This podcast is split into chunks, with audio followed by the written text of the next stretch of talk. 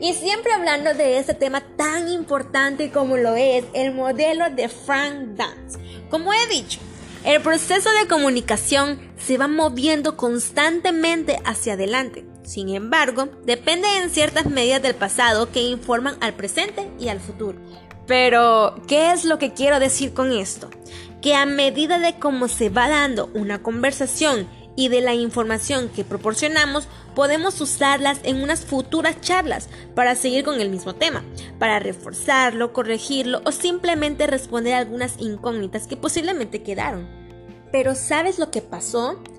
Frank Dance comparó los modelos lineales interactivos, circulares y transacciones. Y sabes, encontró erróneo el hecho de que el modelo lineal la comunicación regrese al mismo punto en el cual comenzó.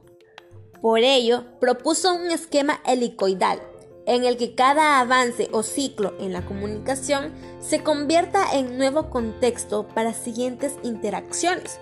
O sea, lo que dijimos en el pasado puede abrir nuevas conversaciones en el futuro.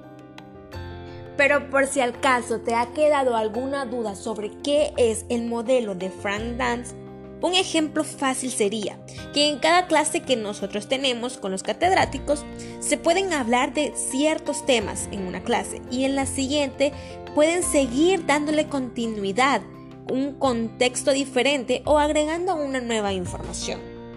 También un ejemplo de esto puede ser, en estos tres podcasts que yo te he hecho, Tú has ido dándole continuidad a cada tema de que hemos ido impartiendo. Por lo tanto, a esto se le puede llamar el modelo de Frank Dance.